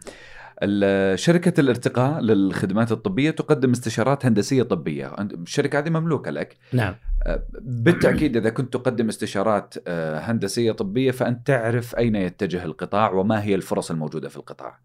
غششنا وغشش الشباب ال- المستثمرين الجدد في هذا القطاع. والله شوف؟ هو طبعا آه، ال- القطاع الاستثمار في القطاع الصحي لا زال لا زال ينقصه الكثير كثير كثير وفي يعني آه، بعطيك بس خمس تخصصات أوكي لو يلتفت لها أي مستثمرين سواء شباب مجموعة شباب واللي هم بيحظون بالدعم من الصناديق. اللي هي تستثمر معهم ال RTA ال RTA اللي هي حوادث الطرق ال- ال- ال- اللي يسمونها طو... ال- ال- ال- الح... اي حوادث في الطرق RTA كسور الأشياء هذه كلها. حوادث العظام. حوادث العظام. هذه مهمة جدا ولا فيه. ال... ال... يجي بعدها مقابلها ال rehabilitation center إعادة التأهيل. إعادة التأهيل ترى مفقودة عندنا مرة يعني ما في أي استثمار صحي خاص فيها مع العلم. إنه بعد ما يصير له الحادث صار له الحادث وقضى الله وقدر وإهمال سواء هذا أو أو أو, أو قضى وقدر هذا شيء راجع للسبب. لكن إعادة التأهيل من حقه إعادة تأهيله من حقه يصرف عليه ملايين عشان إعادة تأهيله وهذه إعادة التأهيل. الانكولوجي اللي هي آه علاج الأمراض هذا ما هو موجود. psychiatry اللي هو العلم النفس. الطب النفسي. الطب النفسي ترى ما فيه قطاع خاص ما فيه. نهائي. هذه الأشياء كلها وال palliative care وش ال palliative care طبعا يدخل تحتها ال home care ال palliative care اللي هم ناس عندهم chronic disease حالات مستمرة معهم آه، مزمنة آه، أمراض مزمنة. هذه يحتاجون إلى اهتمام. ليه؟ لأن الطبيب العادي والطبيب الأخصائي والاستشاري اللي في المستشفى قاعد يعالج حالات آه، عادية ما عنده وقت يعطي فرصة كبيرة لهالمساكين اللي هم الكرونيك المزمن لأن المزمن خلاص تعود عليه والطبيب تعود عليه وهو تعود على نفسه فنفسيته سيئة يحتاج إلى أنه تسوي من هالسناتر كلها. الثالثة اللي قلت لي إياها طب الأمراض تقصد طب الطوارئ؟ في طب الطوارئ والحالات الحرجة اللي هي ال EMS. ال EMS طبعا معمول فيه في أستراليا، أستراليا وش سوت؟ أستراليا قالت أنا بحط اي ام اس مراكز اي ام اس تستقبل أي حالة طارئة في الوجود. ولكن ما يستمر مريض مريضك. دخل هالمريض في قسم في مستشفى الطوارئ عولج للحالة الطارئة. بعدها وين يروح؟ يوزع على المستشفيات الأخرى. إذا هو جلدية حروق يروح. إذا هو سرطانات يروح. إذا هو باطنية يروح. إذا هو جراحة يروح. وتبر مسالك بولية. يتابع مع اطباء في المستشفيات الثانية.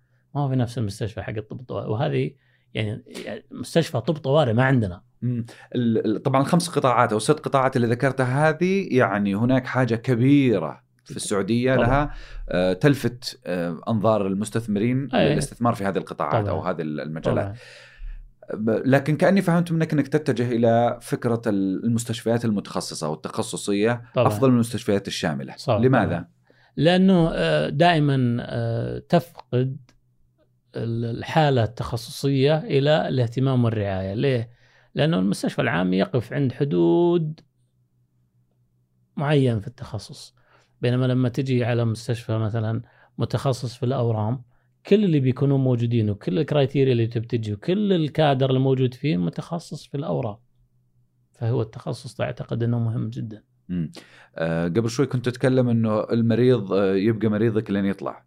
ولين يخلص. آه. آه يعني يمكن هذه تكون وجه من أوجه الهدر الصحي عندنا في في المستشفيات. هو الهدر الصحي طبعا موجود في كل مكان ولكن الهدر الصحي في المستشفيات إنه ما في رقابة ما في cost effective يعني ما عندي تقييم للخدمة اللي اللي اللي, اللي حصل عليها المريض ومقابلها قدامها إيش. يعني مثلا أنا أقدر أقدم خدمة المريضين مريض ب ب مثلا يكلفني ألف ريال وأعطيه خدمة ممتازة ومريض بيكلفني مئة ألف ريال وبعطيه نفس الخدمة اللي أنا قدمتها ليه؟ على حسب تعاملي مع المواد المستهلكة اليوتيليتيز اللي موجودة كيف أنا أستغل شو اسمه الموارد الموجوده ويعني أصرفها في مكانها بحيث إنه أنا ما أضيع هالموارد وهالأشياء هذه كلها. لحظة معلش أنت تقصد إنه غالب المستشفيات أو في كثير من المستشفيات الآن معروفة تسعيرات العلاج وأسعار العلاج بالنسبة للمرضى لكنهم ما هو قادرين يضبطون تكاليفهم؟ ما هو قادرين إذا ما قدر يضبطها يت... هذا الهدر الصحي. آه. لأنه ما في cost effective يعني مثلا ما تقارن الحكومي بالخاص ليه؟ الحكومي فاتورته مدفوعة. الكهرباء الموية المواد. ما عليه ما في أي أمور مالية تيجي ما في مجلس إدارة يجي يحاسبه. طبعا الكلام هذا سابقا. م. الآن بدأ التحول وبدأت اللي هي يسمونها التجمعات الصحية وبدأ حراك قوي جدا وهيوج مرة إنه بتحويلها إلى cost effective أنا هالمريض هذا باخدمه من عيوني بس كم بيكلفني؟ ليش يكلفني في القطاع الحكومي مئة ألف ريال وفي القطاع الخاص يكلف عشرين ألف ريال؟ تكلفة cost cost effective ما أتكلم عن تسعيرة. أتكلم عن هذا ليش يكلف هنا ووقت ليش ياخذ هنا نص ساعة وهنا ياخذ ثلاث ساعات؟ ففيها cost effective و time effective هل القطاع الحكومي أو المستشفيات اللي كانت متأخرة حطت قطاع الخاص أو مستشفيات القطاع الخاص بنش مارك لها حتى تصل لها يوما ما؟ بعضها أعتقد إيه لأنه مثلا يعني عندنا في المؤسسات أنا عضو مجلس إدارة في فقط يعني عضو مجلس إدارة عندنا حاصل على همس. همس ترى ما هو سهل همس 7 يعني اللي هو؟ نادر من اللي هو حق شو اسمه المختبرات. نادر نادر ما توصل آه، آه، المستشفيات إلى همس 7 يعني لما توصل إلى همس 7 ترى قليل كثير يعني قليل من اشرح لي فكرته بشكل سريع. همس طبعا يصير ما عاد في أخطاء ما في في في تقنية في تطبيق للنظام صارم في أشياء كثيرة. تحصل على اللي هو طبعا كرايتيريا معينة هي. في أشياء كثيرة في صرف الدواء وال- والتعامل مع المريض. يعني فيها تقنية وقدرات تقلل الأخطاء تقلل البشرية. الأخطاء البشرية بحيث إنه أنت توصل إلى هالمعدل هذا ولا هو بسهل. الكرايتيريا حقتها والمتطلبات حقتها مرة صعبة. بالحديث عن التغير والتحول في القطاع يعني خلال السنة الماضية في كورونا دائما ما كان يتردد أنه المملكة العربية السعودية نجحت في مواجهة كورونا. المملكة العربية السعودية تفوق فيها القطاع الصحي على دول كثيرة في العالم تخبطت في مواجهة هذا الوباء. سمعنا هذا الكلام لكن أنت كشخص متخصص وشخص عارف بما يحدث بالقطاع الصحي لماذا المملكة تفوقت من ناحية فنية تقنية؟ هو طبعا آه، يعني اتخذت إجراءات وقائية من أول ما سمعت في ال في ال في ال في الجائحة وترى الصرف اللي صار. يعني ال- الحكومة ما قصرت صرفت ملايين الملايين مئات الملايين مليارات صرفت على بداية من بداية مارش 2020 لما بدأ فعلا بدت. أول حالات واغلق اللي هو في 7 أو 8 مارش أغلقت المنافذ. وقتها كان فيه آه، يعني آه، توجه قوي جدا من الدولة إلى التوعية أول شيء وطبعا هذه مهمة جدا. صرف على المرضى اللي أصيبوا وقتها بحيث إنه ما ينتقل.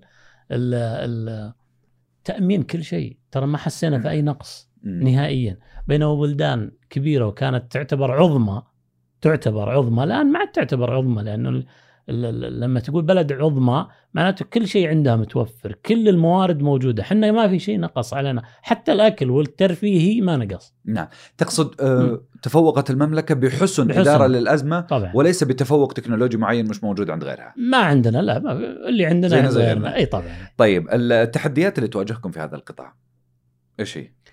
آه، كانت وأعتقد إنها لا زالت بس إن شاء الله في المستقبل يعني صاير في تحرك قوي جدا و... مم. اللي هي تعدد الجهات الرقابية. تجي مثلا لثلاث هيئات في في في في, في ال- في المملكة. هيئة الغذاء والدواء مثلا والهيئه الشؤون الصحية اللي تابعة الوزارة مثلا حقت المنطقة اللي أنت فيها. ويجي مثلا ال- البيولوجية. حقين هيئة الغذاء والدواء يقول لك المنتج هذا يجب أن يكون جوا ثلاجة. يجيك حق البيئة يقول لك لا المفروض يكون برا الثلاجة. طيب في بعضها يقول لك يكون فوق الشلف هذا يقول لا يجب أن يكون مخفي ورا الشلف. ففي أشياء كثيرة هذا يجي يعطيك قراراته وهو صادق عنده قرارات لازم يطبقها وهذا يعطي قراراته طيب لازم نتفق على كرايتيريا معينة. ما تجي تقول لي والله آه، أنت حط هنا بعدين يجيك بعد ساعة يعطيك مخالفة يقول لك إيش حطيتها هنا حطها هنا. يجيك الثالث يقول لك لا المخالفة أكبر إنك ليش دخلتها جوا. طيب عطني وحد لي هالإجراءات وهال ال- ال- القرارات والسياسات وخلني أمشي عليها. تعال وقل لي هل واحد إلى ألف؟ عطني ألف وأنا أمشي عليها. وبعدين قل أنا أبغى أسوي تك تك تك تك إذا ما لقيتها لا تلوم لنفسك بجيك أنا بعد شوي على هذا الموضوع. من ناحية كونك كنت رئيس للجان الوطنية وكنت يعني آه، على الأقل في محل تستطيع يعني التصرف والتدبر بما يتعلق بهذا الموضوع وبسألكم وش سويتوا؟ لكن عطنا تحديات ثانية غير هذا التحدي. التحديات اللي هي طبعا آه، منافسة القطاع الحكومي للقطاع الخاص. هذه ترى فيها تحدي قوي جدا. لأنه ال- ال- ال- ال- القطاع الحكومي ما ما عليه أي آه، التزامات ولا في التزامات لا مادية ولا في مجلس إدارة يحاسبه في النهاية ولا في شيء لا مجرد هي خدمة تقدم لل- للجميع بينما القطاع الخاص لا في عنده أمور مالية كثيرة في عنده رسوم كثيرة وفوقها إنه يحاسب من قبل ال- المستثمرين. كإدارة.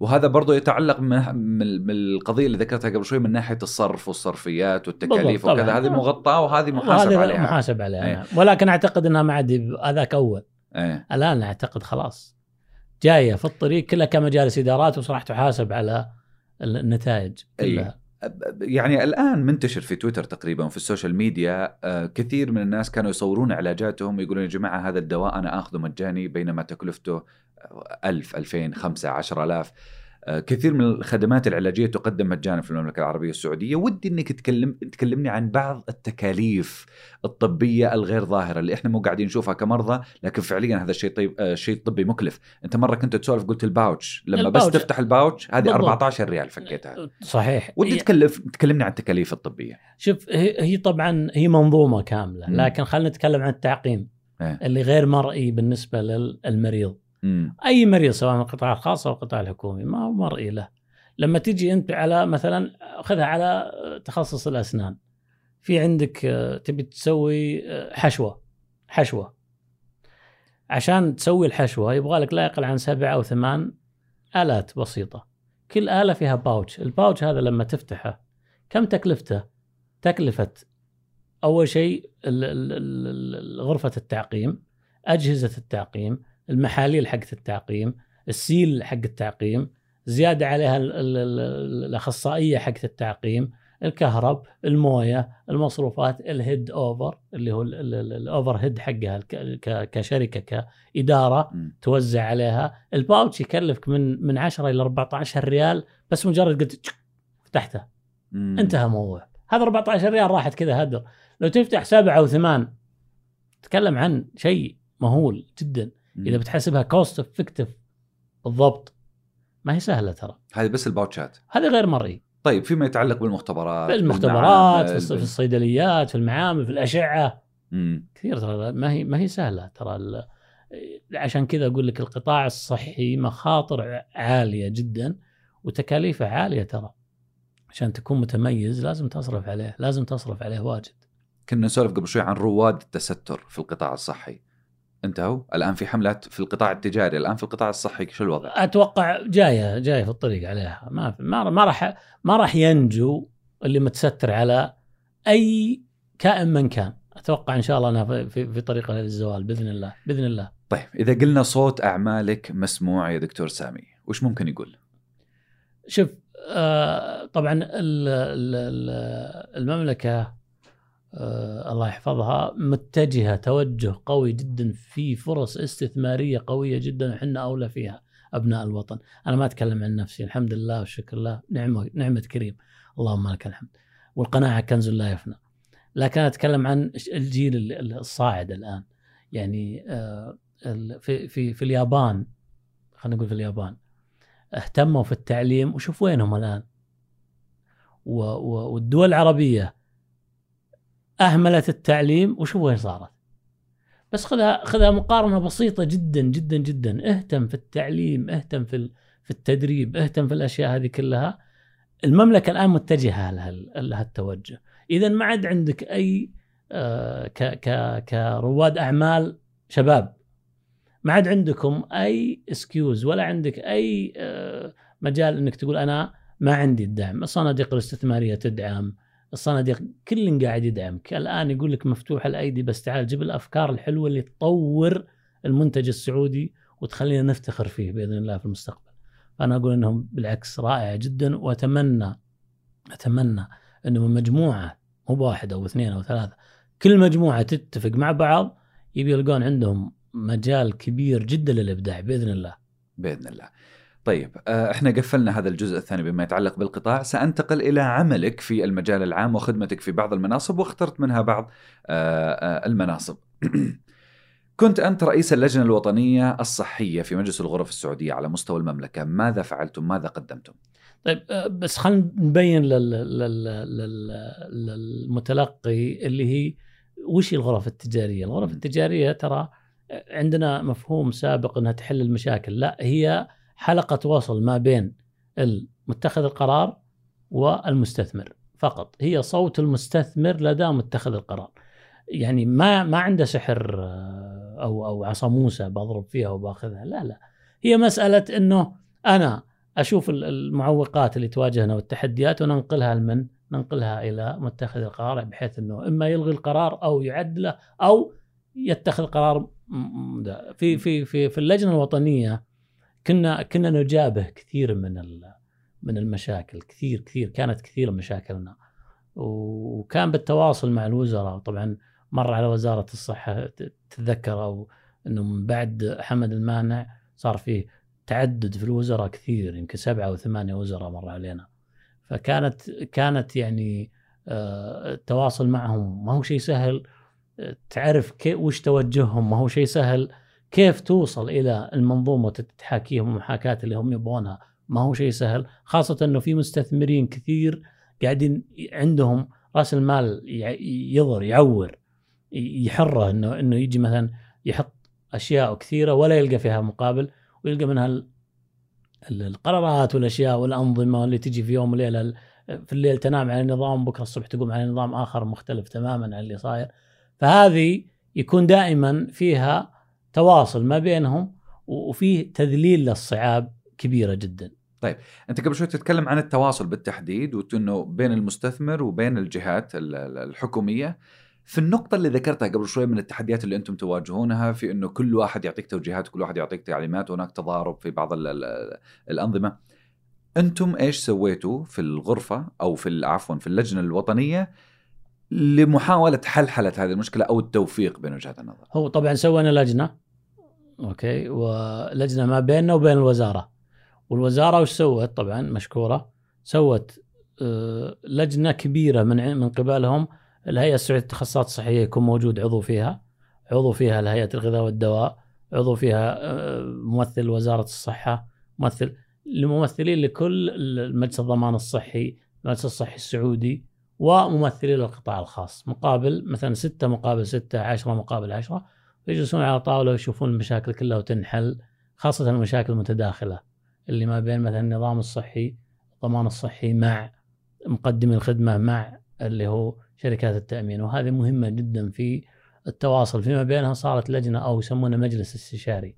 وصار المجلس الاستشاري يناط فيه كل المشاكل اللي تصير بين القطاعات وحلها ويعني وتذليل الصعاب اللي فيها أحرزتوا تقدم فيها ولا؟ كثير والله كثير طيب أنتقل إلى- تجاوب من الوزارة أنتقل إلى كونك رئيس اللجنة الطبية في غرفة الرياض بالتحديد.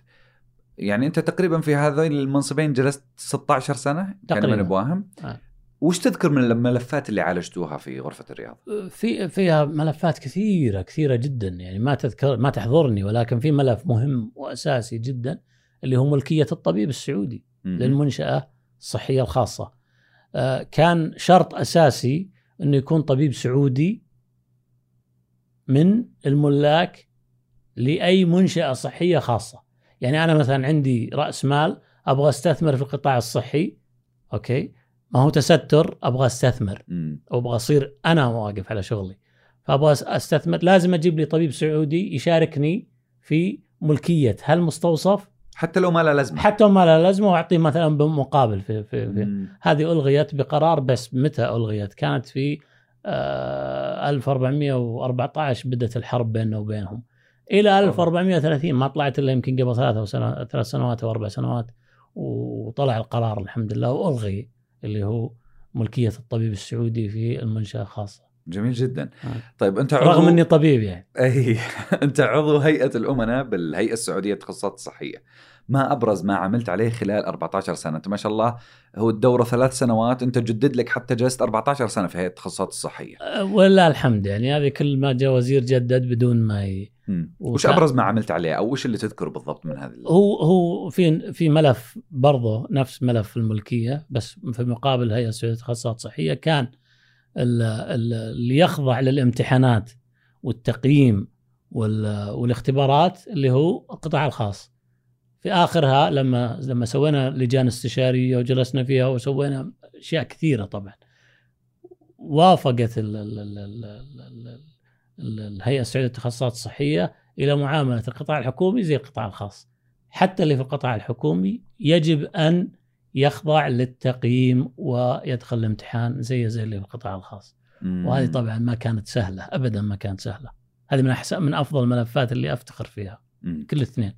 طيب عضو مجلس الضمان الصحي. أنا ما حسألك وش سويت في المجلس أنا حسألك عن موضوع التأمين. إيش المشكلة ما يكون التامين التأمين أعم وأشمل آه، من فقط القطاع الصحي؟ ليش ما يعمم التأمين عندنا؟ شوف أول شيء يجب إحنا نفهم وش التأمين، مم. التأمين طبعا هي علاقة رباعية وليست ثلاثية، رباعية. مقدم الخدمة اللي هو المستشفيات والمستوصفات، متلقي الخدمة اللي هو المؤمن عليه، والمؤمن اللي هو صاحب رب العمل، وشركات التأمين الوسيط اللي بين المقدم الخدمة والمتلقي. هي هي تقريبا أوكي معدومة الثقة. كل الأطراف معدومة إيه، الثقة ولا والأطراف. بسر آه. ما هو سر هو طبعا إلى الآن في أمريكا عندهم مشاكل إلى الآن في بريطانيا عندهم مشاكل في اللي هي يسمونها claim وال rejection أنا أرفع لك فاتوره مريض أنت تجي تقول لي لا هذا مرفوض وهذا مسموح وهذا ليش تعطيه تزيد عليه ال- ال- ال- التحاليل وليش تطلب هالتحاليل ما هي مطلوبة على حسب ال debate. كل حالة طبعا لازم إنك تحميها حماية الإنسان. ومن أحياها فكأنما أحيا الناس جميعا. طبعا هي آية قرآنية. ومن قتل نفسا فكأنما قتل الناس جميعا. ومن أحياها فكأنما أحيا الناس جميعا. أي مريض بيجي لازم تسوي له ال investigations والأشياء هذه كلها. الطبيب لازم يقدم الخدمة صح. أه، شركات التامين تقول ليش تعطي over ليش مثلا تسوي ش... من فيه ال regulator لهم؟ ما هو ما هو مجلس الضمان الصحي. مجلس الضمان الصحي يعطيك ال license إلى أنك أنت ينطبق عليك شروط أنك تدخل في هالمنظومه أو ما تدخل. لكن لا يستطيع إنه يجي يعاقب مقدم خدمة في خطأ طبي. مم. فما يدخل فيها التفصيلية هذه كلها. وطبعا فيها مؤسسة النقد داخلة فيها اللي هو تشريع شركات التأمين. يعني تعتقد اننا سنرى التأمين قريبا؟ بإذن الله بس ترى على فكرة ما هو شيء سهل ها. إيه يعني أنا أنا من وجهة نظري إنه إنه التأمين الطبي متى ما صار آه، يجب أن يكون مدروس من أبدع ما يمكن. ليه؟ لأنه كل مواطن يبي يصير معه كرت تأمين. كرت التأمين له محدودية اللي هي الحد الأعلى. إذا وصل الحد الأعلى أنت تتكفل بنفسك. دولة ما عاد تتكفل فيك. نهائي. خلاص. انتهى. أنا أعطيتك تأمين وأنت فيها. فلازم يكون في حلول أخرى لأنه ما بعد التغطية التأمينية من سيتحمل هالأشياء هذه كلها. واحد. اثنين. الآن الآن عندنا 12 مليون فقط اللي مؤمن عليهم من القطاع الخاص. تقريبا وصلوا 12 مليون. القطاع الخاص ما هو قادر يلحق عليهم. لما بتأمن الثلاث 31 أو 32 على حسب الإحصائيات الجديدة المواطنين السعوديين اللي موجودين في المملكة مم. كلهم لما تأمن عليهم وين؟ بيصير في ضغط قوي على الخدمات خاصة في يعني المناطق الرئيسية موجودة ما عندنا مشكلة فيها. بس المناطق النائية ما فيها مستشفيات تخصصية. فبنضطر نفس الشيء بنلجأ وبنضغط على النظام الصحي من جديد. لذلك أعتقد انه انه انه إنه تصريح وزير الصحة اللي قبل ثلاث أيام أربع أيام عن التأمين انه إنه موزون ومدروس ورائع. ليش؟ لأنه يبغى لها دراسة. ترى يبغى لها دراسة. ترى يبغى لها وقت يعني طويل علشان نقدر نجي. أي نعم إحنا أنا أنا أؤمن إنه تطبق وشوف الأشياء اللي تصير وعالجها. وعالجها. زي ما سوينا في أشياء كثيرة. زي أي مكتب حتى لو في بيتك لو تبي تسكن بيت جديد إذا ما تسكن تشوف المشاكل ما راح تسكن طول عمرك. تقعد تقول ابى أسكن الين أخلص آخر نقطة فيه مستحيل تسكن. ونفس الشيء في المكاتب. في التأمين يجب أن إحنا نطبقه ولكن بهدوء ب ب ب ب ب يعني تدريجي لحد ما نشوف وش يصير عندنا مشاكل ونحلها بس ما في شيء ما في شيء صعب جميل. جدا ال- المشاكل اللي قبل شوي أنت لميتها لنا وذكرتها لنا سواء من خلال ال- ال- ال- المناصب اللي أنت مسكتها أو من خلال وجودك في السوق كمقدم لخدمات علاجية أو حتى تدرب وتدرس وتعلم الطلاب الممارسين الصحيين. الآن جت رؤية المملكة 2030 وأنت كنت قبل شوي تقول كان هذا أول بس الحين تغير، كان هذا أول بس الحين تغير، أنت كيف قاعد تشوف إن الرؤية تعالج المشاكل اللي في القطاع الصحي؟ حل هالمشاكل هذه توحيد القرار مم. توحيد ال- ال- ال- المنظومة الرقابية توحيد التوجه عندنا يعني آه، تقريبا كانت في 14 هيئة تشريعية تقدر تجي تقفل منشأتك الصحية الآن لا الآن صار في توحيد قرار جهة واحدة فقط هي تجي اللي هي الأداء والالتزام وهي اللي تجي تتناقش معك وهي اللي تجي يعني في أمور كثيرة الرؤية راح توحدها ليه؟ لأنه تجمع كل صناع القرار على طاولة واحدة. مم. أنت إيش تقول وأنت إيش تقول؟ وجهات نظر طاحنوا بينكم وأعطوها المستثمر. المستثمر ما عنده مشكلة يستثمر، لكن أنا ما أبغى أستثمر يعني ما أبغى أصيد سمك في البحر وأقول والله ما أدري يجيني ميت ولا حي، لا أنا قاعد أعطي فلوس، قاعد أعطي من حلالي وراس المال تعرف يعني ما فيه هو عديل الروح. المال عديل الروح. فأنا أجي وأقول والله تعال عطني منظومة، عطني قرارات معينة موحدة وشوف نعطيك ال- ال- الاستثمار الرائع بإذن الله. بإذن الله وأنت أروع بإذن الله من كل استثمار. ابو سا- أبو آه، نواف الله. الدكتور سامي شكرا جزيلا لك شرفتنا وآنستنا بهذا اللقاء أنا اللي أشكرك وأتشرف ب- ب- بوجودي معك. الله يخليك عافيه شاكر لطفك وكان آه، يعني آه، حوار رائع جدا ولا في مفاجآت. ولكن أتمنى أنه يكون إن شاء الله آه، خفيف على المتلقي بإذن الله بكل وفي تأكيد فائدة. بكل تأكيد. بإذن الله يحفظك. شاكر لطفك حبيبي.